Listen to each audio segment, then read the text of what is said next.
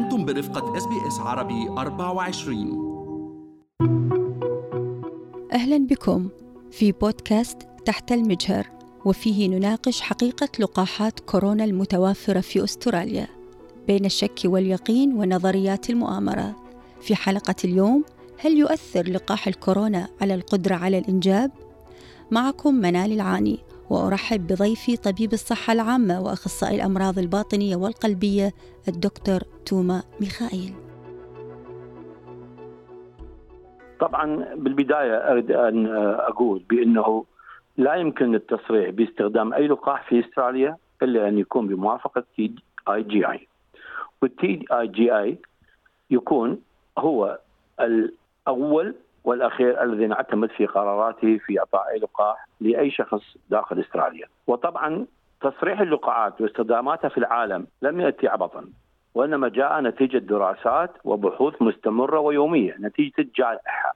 يعني سابقا كانت تقوم الدراسات حول اللقاحات بصورة بطيئة ولكن لأننا في جائحة فإن البحوث تجري على قدم وساق بصورة دورية ويومية وبصورة مستمرة. ولا يمكن التصريح باستخدام أي لقاح إلا أن يكون امينا لاي شخص، أنا أؤكد لك بأن هناك دراسات في الولايات المتحدة الأمريكية وبريطانيا وفي كندا وفي الدول الإسكندنافية وفي إسرائيل وتتعامل فيما بينها لأنها أكثر دول تستخدم اللقاح في الوقت الحاضر وتقوم برفع هذه البحوث بصورة دورية إلى هيئة خاصة بدراسة اللقاحات يوميا ودراسة الفيروس وفعالية اللقاحات. ومن ثم يتم التأكيد على أن هذه اللقاحات أمينة. واكد لك هناك دراسة أجريت على 200 ألف امرأة أعطيت لقاح فايزر في بريطانيا والولايات المتحدة الأمريكية وعرف بأن اللقاح أمين جدا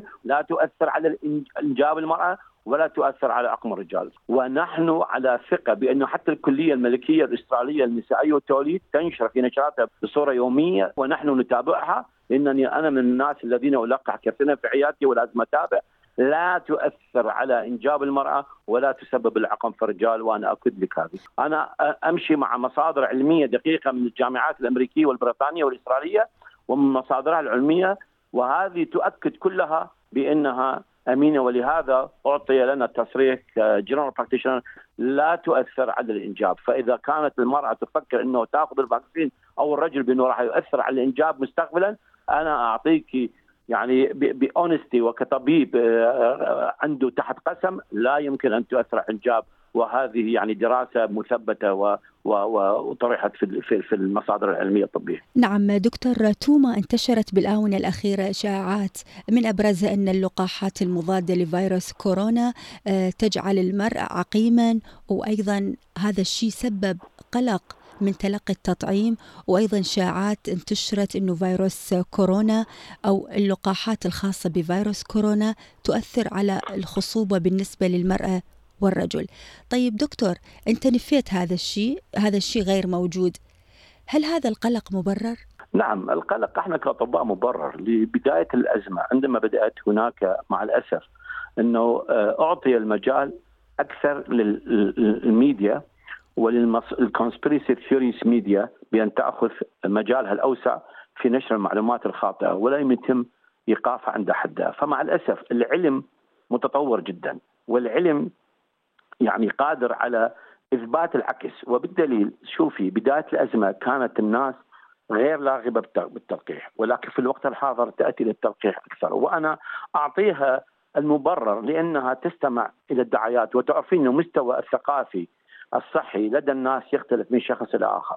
ونحن لدينا مستويات ثقافية عديدة وهناك أطباء أيضا وممرضات ممكن أيضا يخافون من أخذ التلقيح لأسباب لأنه لا يتابعون العلم من مصادر علمية وإنما يتابعون على الميديا الموجودة. ولكن نحن كأطباء وأنا خصوصا وأنا مصادري كلها مصادر علمية دقيقة تجي من Mayo Clinic وال Johns Hopkins Hospital وال British Medical Journal وال Australian Medical Journal. فأنا طبيب لا أقرأ إلا هذه المصادر ولا أقرأ إلا المصادر العلمية التي تختص بهذه المواضيع وبدقة واتابعها يوميا لمدة ثلاث ساعات.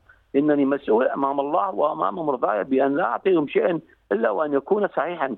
يعني كثير من الناس اعتقدوا هذا ليش؟ لأنه قرأ في بعض مثلا الميديا بأنه مثلا هذا ال spike protein مال كوفيد اللي هو syncytin أنا أقول لك بالإنجليزي 1 بروتين هو مشابه لل لواحد من البروتينات اللي يسوي development يعني يسوي تطور المشيمة أثناء الحمل. ويعتقدون بأن اللقاح سوف يهاجم هذا البروتين الموجود في تطور المشيمة. ولكن هذه معلومات خاطئة وغير علمية وغير دقيقة وأنا أقسم على ذلك. ال vaccine لا يوجه إلا ضد ال spike الخاص بالفيروس ولا يهاجم أنسجة الجسم. بل على العكس المرأة إذا أنا أؤكد لك أن اللقاح فايزر بجرعتيه هو أمين عند الحوامل. وهو حال حال vaccine الإنفلونزا في الوقت الحاضر. أما أن تؤمن أنت بنظريات المؤامرة والفيديوهات التي تشوه تفكيرك وعقلك فإنك تعرض نفسك وعائلتك ومجتمعك إلى خطر. وأنا أؤكد لك وأنا طبيب أنا منطي ابني فايزر ونفسي ماخذ أسترازينيكا جرعتين وزوجتي أسترازينيكا جرعتين وإخواني كلهم أنا ملقحهم بيدي أسترازينيكا لأنه كبار بالعمر. وأنا حتى سكرتيراتي كلهم 18 سنة إلى 30 سنة أنا ملقحهم بيدي أسترازينيكا. وأنا معطي أكثر من 1000 إلى 1500 لقاح مختلفين فايزر وأسترازينيكا ولم ان اواجه مشكلة. واضح جدا كلامك إنه اللقاحات ما تأثر على الإنجاب ولا على عقم الرجال ولا يأثر على الرجال والنساء معا. طيب دكتور أبداً. نعم نفهم من كلامك إنه لقاح فايزر وأسترازينيكا أو حتى موديرنا اللي راح يدخل لأستراليا الشهر المقبل ما يأثرون على القدرة الإنجابية للمرأة ولا على إمكانية عقم الرجال. طبعا لا يختلف فايزر عن موديرنا إلا بطريقة تصنيع البروتين الخارجي للغشاء الذي غلف به ال messenger RNA لأنه تعرفين أنت الفايزر والموديرنا اثنينهم هم من ال messenger RNA vaccine type يسموهم وهذول اثنين بالنسبة لهم بس يختلفون بالغلاف البروتيني للفيروس التي استخدم في في تغليف ال messenger RNA قبل حقنه بجسم الإنسان. كنت معكم منال العاني من سلسلة تحت المجهر لقاحات كورونا. هل تريدون الاستماع إلى المزيد من هذه القصص؟